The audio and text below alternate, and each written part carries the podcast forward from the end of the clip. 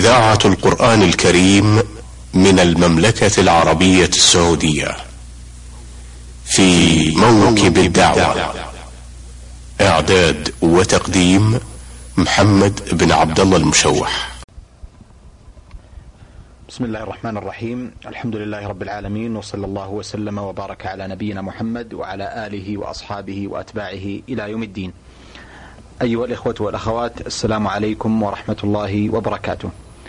ومرحبا بكم في هذا اللقاء الجديد من برنامجكم في موكب الدعوة ضيفنا في هذا اللقاء هو صاحب الفضيلة الشيخ عبد الله بن صالح القصير الداعية المعروف الذي تفضل مشكورا جزاه الله خيرا بإجابة دعوة البرنامج.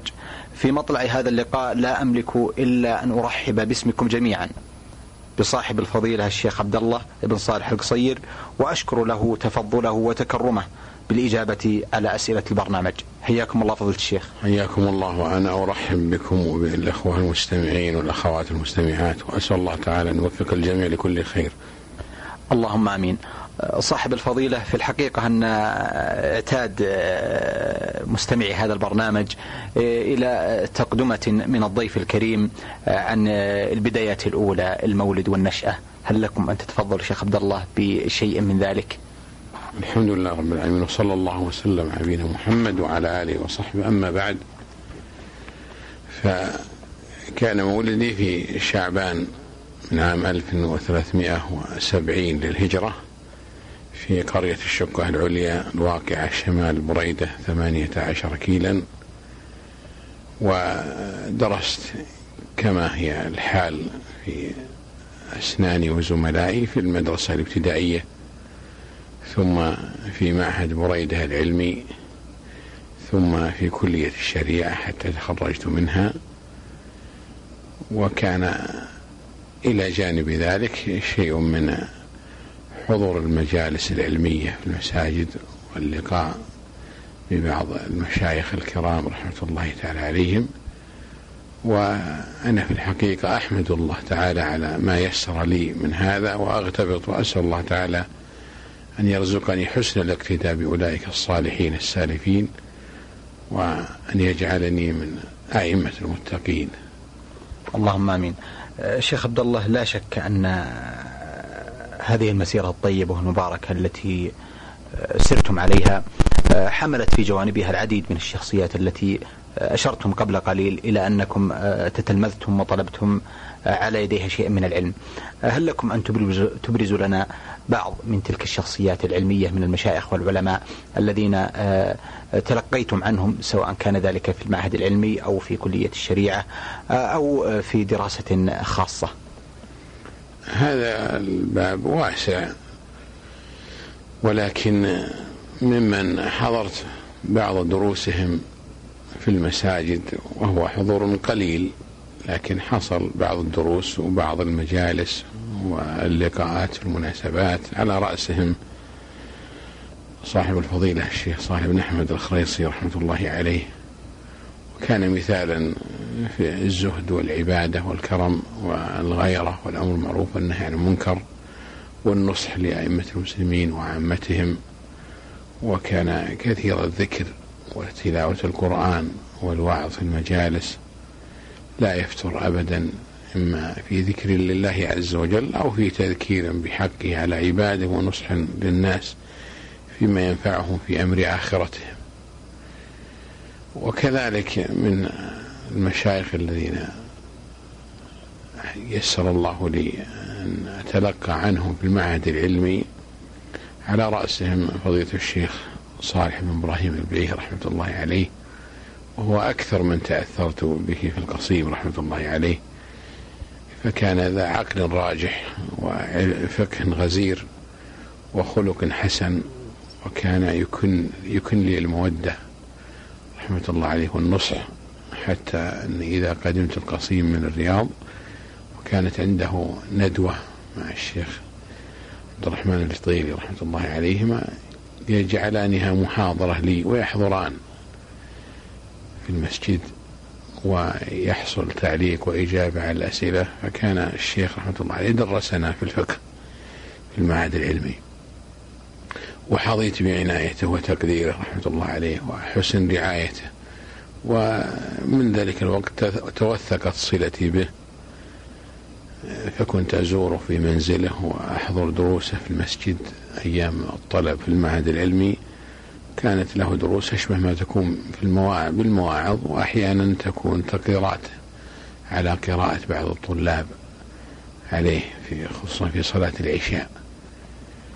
فكان هذا أثر في نفسي تأثيرا كبيرا وكان محبا للدعوة رحمة الله عليه ويخرج إلى القرى ويخطب في المساجد أو يذكر بعد صلاة الجمعة وكذلك كان يجلس بعد صلاة الجمعة مع الناس في المسجد أو في عند أحد من أهل القرية أو الهجرة وكان واسع الصدر صاحب حلم وعلم ويوجه الناس بما يقتضيه المقام رحمة الله عليه. فكان هذا أول شخصية أثرت في نفسي تأثيرا بالغا ولا أزال أجد أثر تربيته وعنايته رحمة الله عليه. وكنت ألتقي به حتى في الحرم المكي وكان يحضني على الدعوة إلى الله عز وجل وعلى التعليم ويشجعني على ذلك ويعرض أن يساعدني أن يساعدني على ما يشكل عليه في هذا حتى مع المسؤولين. ومن هؤلاء أيضا فضيلة الشيخ صالح السكيتي رحمة الله عليه أيضا كان يدرسنا الحديث في السنوات الأولى في المعهد وكان ذا غيرة صادقة وأسلوب في التعامل مع الشباب الصغار فيمازحهم في أول الدرس ثم يأخذ بهم في الجد ويوجههم إلى معالي الأمور ويظهر لهم أو يوجههم إلى ما ينبغي أن يكون في همتهم من جهة دين الله عز وجل. وتلقي العلم عن علم السلف الصالح رحمة الله عليهم. وحضرت له بعض الدروس وهي قليلة في المسجد وكان يحضر يقرأ عليه اثنان أو ثلاثة من الكبار من كبار العوام. فكان رحمة الله عليه ينبههم على ما يحتاج إلى تنبيه في القراءة. وإذا كان من طلبة العلم أيضا ينبههم على الأخطاء اللغوية والإعرابية وكان وقورا في مجلسه صاحب هيبة وسمت. الإنسان لا يستطيع أن يتحرك في مجلسه أدبا معه وإجلالا له. ومن هؤلاء الشيخ علي بن سليمان الضالع رحمة الله عليه أيضا كان يدرسنا التفسير. وكان يعتني بالطلبة عناية خصوصية وكان كثير التأثر والبكاء إذا قرأ الآيات وشرع في تفسيرها وكان يحضنا على العلم النافع وعلى العمل الصالح ويذكرنا بهدي السلف رحمة الله عليهم.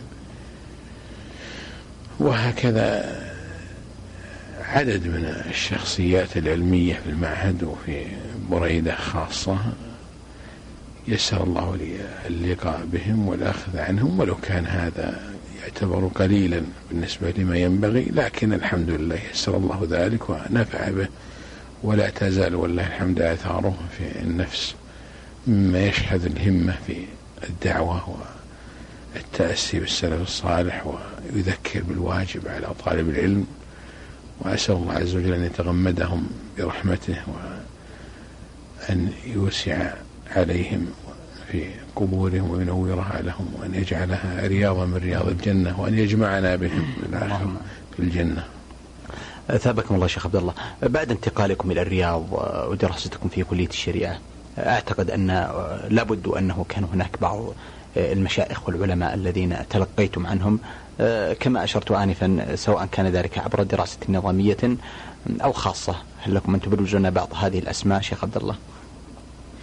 نعم ممن لقيت في الرياض حضرت بعض دروسهم وأخذت عنهم شيئا يسيرا بالنسبة لما ينبغي.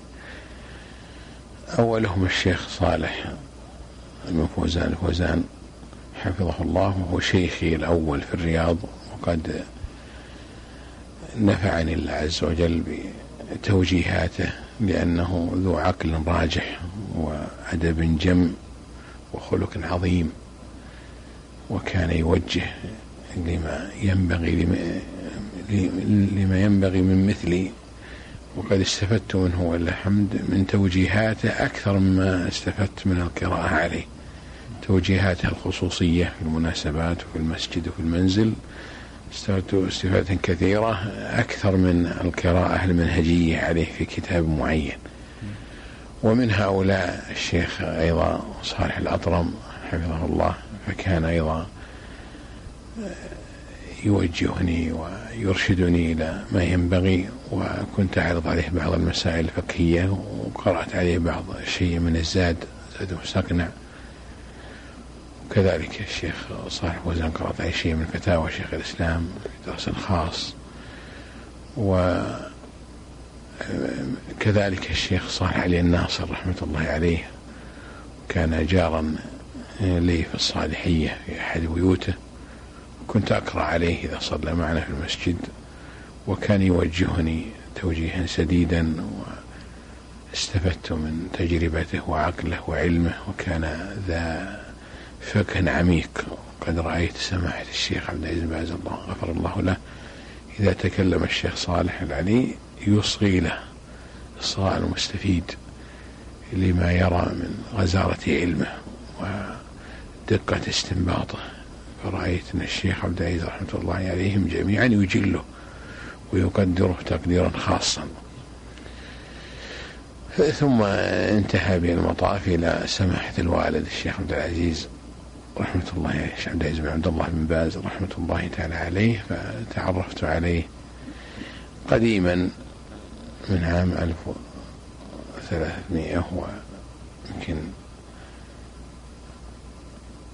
94 أو كذا ثم حصل لي شرف حضور دروسه بعد هذا بيسير إحنا العام 96 وفي عام 97 انتقلت من جامعة الإمام وظيفيا إلى رئاسة البحوث العلمية والإفتاء والدعوة والإرشاد في إدارة الدعوة ويسر الله لي اللقاءات معه في محيط العمل وكان يكون فيه اجتماعات في البيت واستفدت منه حقيقة في توجيهاته في العمل وفي الدعوة خاصة سواء فيما يتعلق بإدارة المركز مركز الدعوة بالرياض أو فيما يتعلق بالدعوة عامة.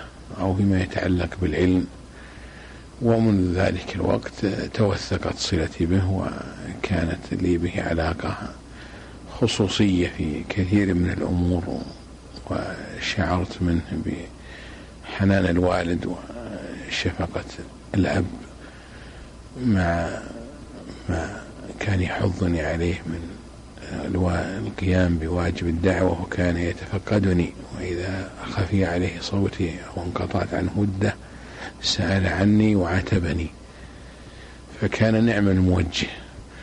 وقد استفدت ولله الحمد من دروسه في الجامع الكبير بالرياض ومن القراءة عليه فوائد كثيرة وقيدت فوائد كثيرة ولله الحمد.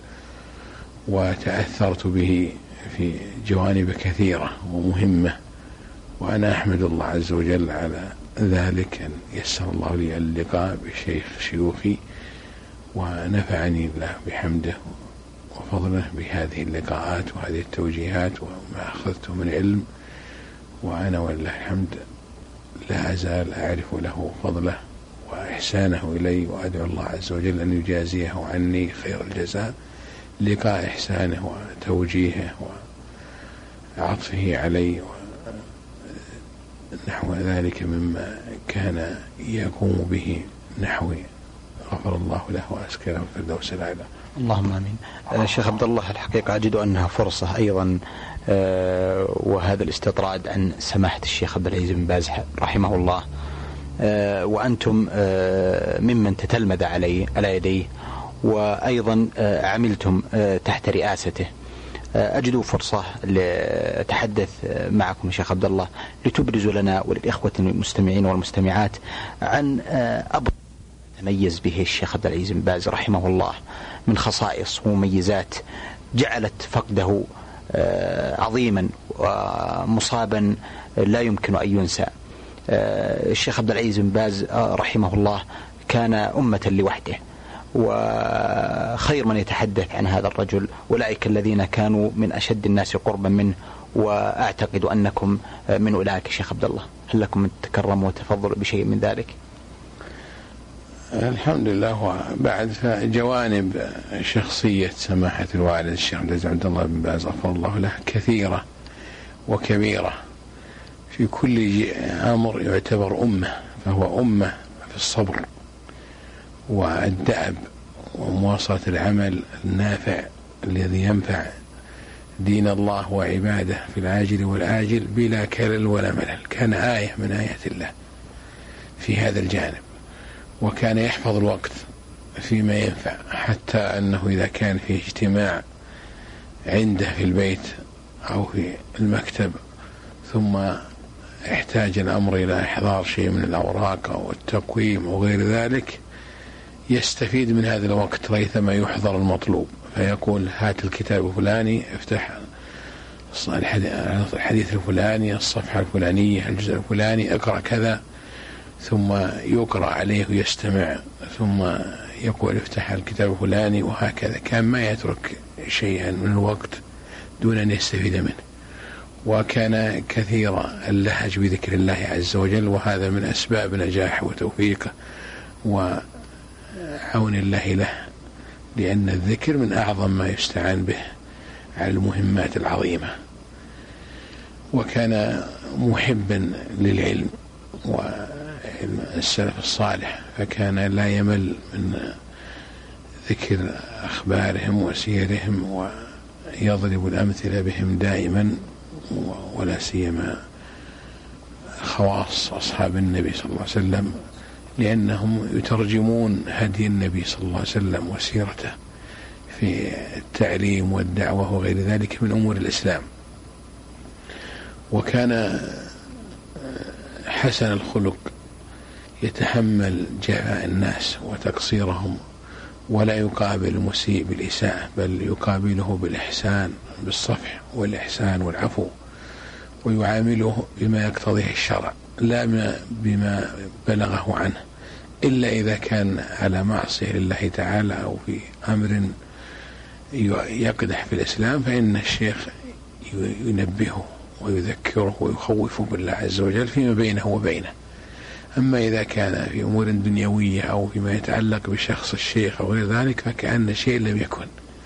فكان آية من آيات الله في الحلم وحسن المعاملة وبذل المعروف في من أساء إليه.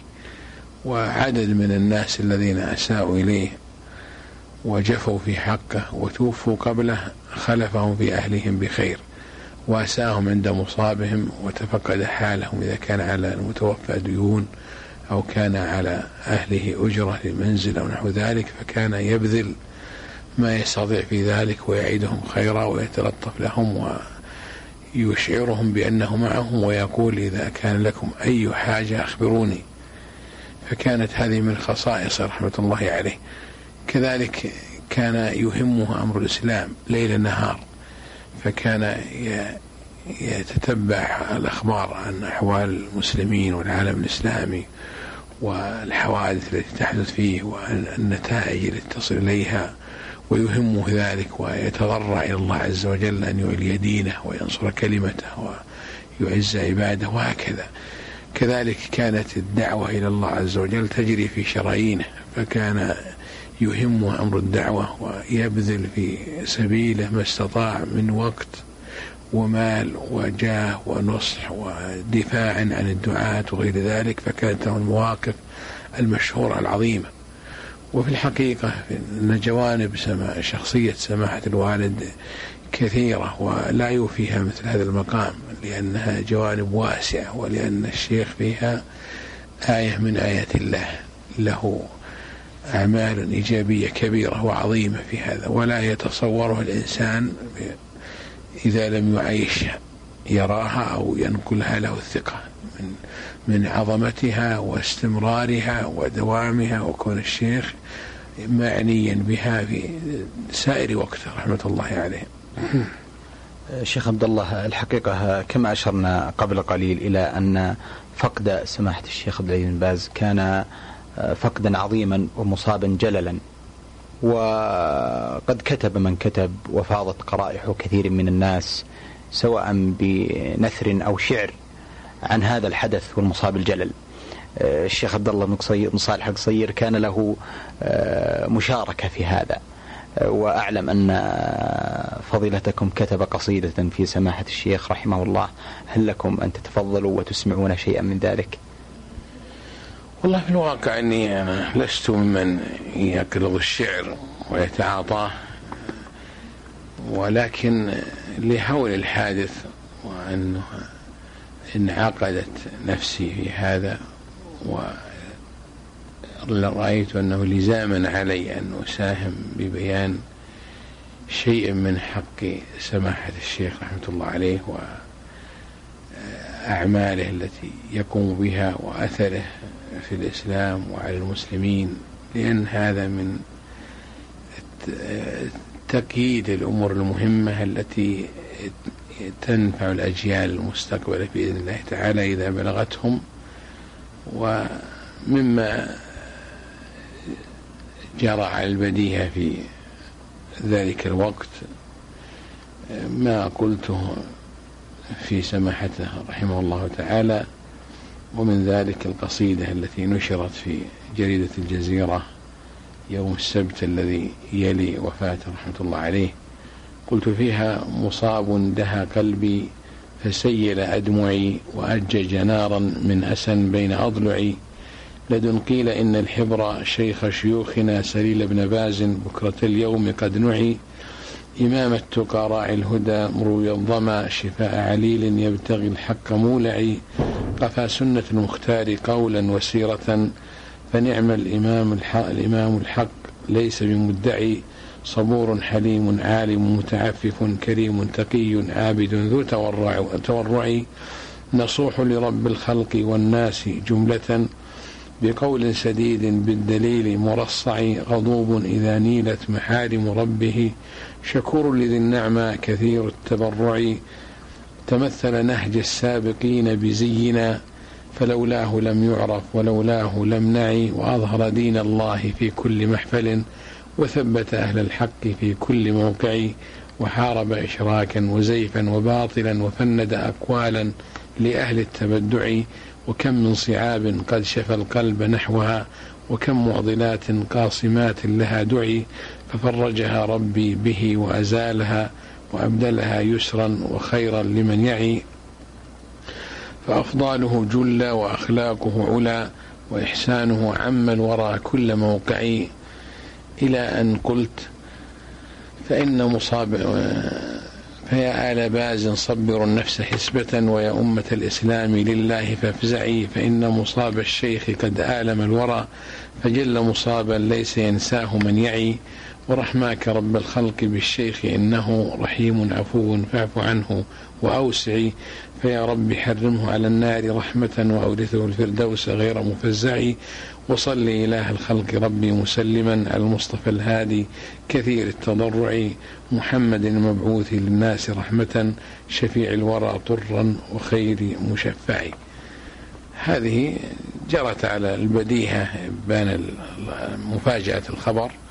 وأردت أن أسجل فيها بعض مآثر الشيخ حتى تبلغ من يتأسى بها وينفعه الله تعالى بها. والله أسأل والله تعالى أسأل أن يتغمده بواسع رحمته. شيخ عبد الله الحقيقة ننتقل إلى جانب آخر وهو الأعمال والمسؤوليات التي توليتموها إبان تخرجكم أو فور تخرجكم من كلية الشريعة. أبرز هذه الأعمال هم لكم أن تتفضلوا بشيء من ذلك؟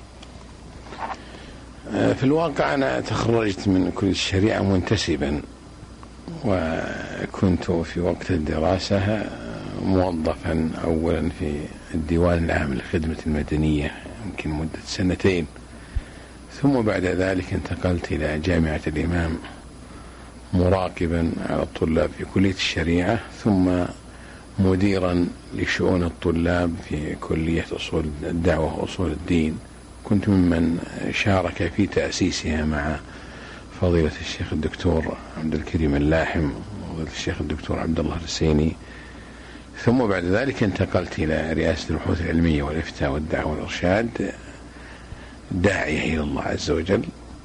وخلال عملي في الدعوة كلفت من قبل سماحة الشيخ عبد العزيز رحمة الله عليه بإدارة مركز الدعوة والإرشاد بالرياض باقتراح من فضل الشيخ عبد الله بن إبراهيم الفنتوخ حفظه الله. و توليت هذا مدة يسيرة تقارب سنة أو أكثر وهي التي ظهر من خلالها المركز وتبلورت الأنشطة ووضعت خطة للدعوة وهي التي تنفذ بحمد الله اليوم كاملة.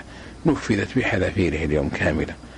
كم من ذلك فكرة المندوبيات في الأحياء ومن ذلك فكرة المكاتب التعاونية ومن ذلك فكرة إعلان جداول دروس المشايخ وغير ذلك. جلستم في المكتب كم يا شيخ؟ قرابة سنة. ثم بعد ذلك تفرغت للدعوة. لكن هل كان هناك مدير قبلكم للمركز أو أول مدير؟ لا كنت كان فيه مدير لكن ما كان فيه مكتب مستقل. كان اسما فقط. ومن حين جئت ظهر المركز. من حين باشرت العمل ظهر المركز ثم استقل أيضا في قسم خاص به وظهرت اعلاناته باسمه وهكذا. ولا ما كان معروف كان المركز في سجلات الرئاسة فقط. لكن لما يسر الله تعالى أن استلمت إدارته ظهر وجوده وعرفه الناس وظهرت مناشطه وصار ولله الحمد نواة خير. إلى الآن وهو تنفذ الخطط التي رسمت في ذاك الوقت. المهم أني بعد إدارة المركز تفرغت للدعوة إلى الله عز وجل وشاركت خلال هذه المدة الطويلة بالتدريس في كلية الملك فهد الأمنية في الفقه والأصول والمرافعات الشرعية وكذلك في الكلية الحربية أيضا فصولا. ثم في جامعة الإمام من عام 1407 حتى العام الماضي كنت أشارك إذا صار عندهم حاجة. ومنذ مجيء الوزارة صار عملي الدعوة الميدانية ومستشارة بالوزارة في بعض الأمور. والحمد لله الأمور إلى خير. وأنا أشكر الله عز وجل على ما من به علي من العمل في المجال الدعوي والتعليم العلمي الشرعي وألمس ولله الحمد آثار ذلك المباركة. وأسأل الله عز وجل أن يتقبله وأن يجعله خالصا لوجهه. ثابكم الله شيخ عبد الله. في الحقيقة أن لدينا العديد من الجوانب والنقاط التي نحب أن نتناولها مع فضيلتكم لكنني أرى أن وقت الحلقة لا يسعفنا بمزيد من الوقت في ذلك إلا أنني أعد الإخوة والأخوات أن يكون لنا تواصل مع فضيلة الشيخ عبد الله بن صالح القصير في لقاء قادم بمشيئة الله تعالى لنسلط فيه الضوء على عدد من الجوانب الأخرى من حياته وشخصيته وجهوده في الدعوة إلى الله عز وجل. أيها الإخوة والأخوات كان لقاؤنا مع صاحب الفضيلة الشيخ عبد الله بن صالح القصير الداعية المعروف والذي تفضل مشكورا بالإجابة على أسئلة البرنامج. آه نكرر شكرنا وتقديرنا لفضيلته ونأمل بإذن الله تعالى أن نلقاكم معه في الأسبوع القادم. والسلام عليكم ورحمة الله وبركاته. في موكب الدعوة إعداد وتقديم محمد بن عبد الله المشوح.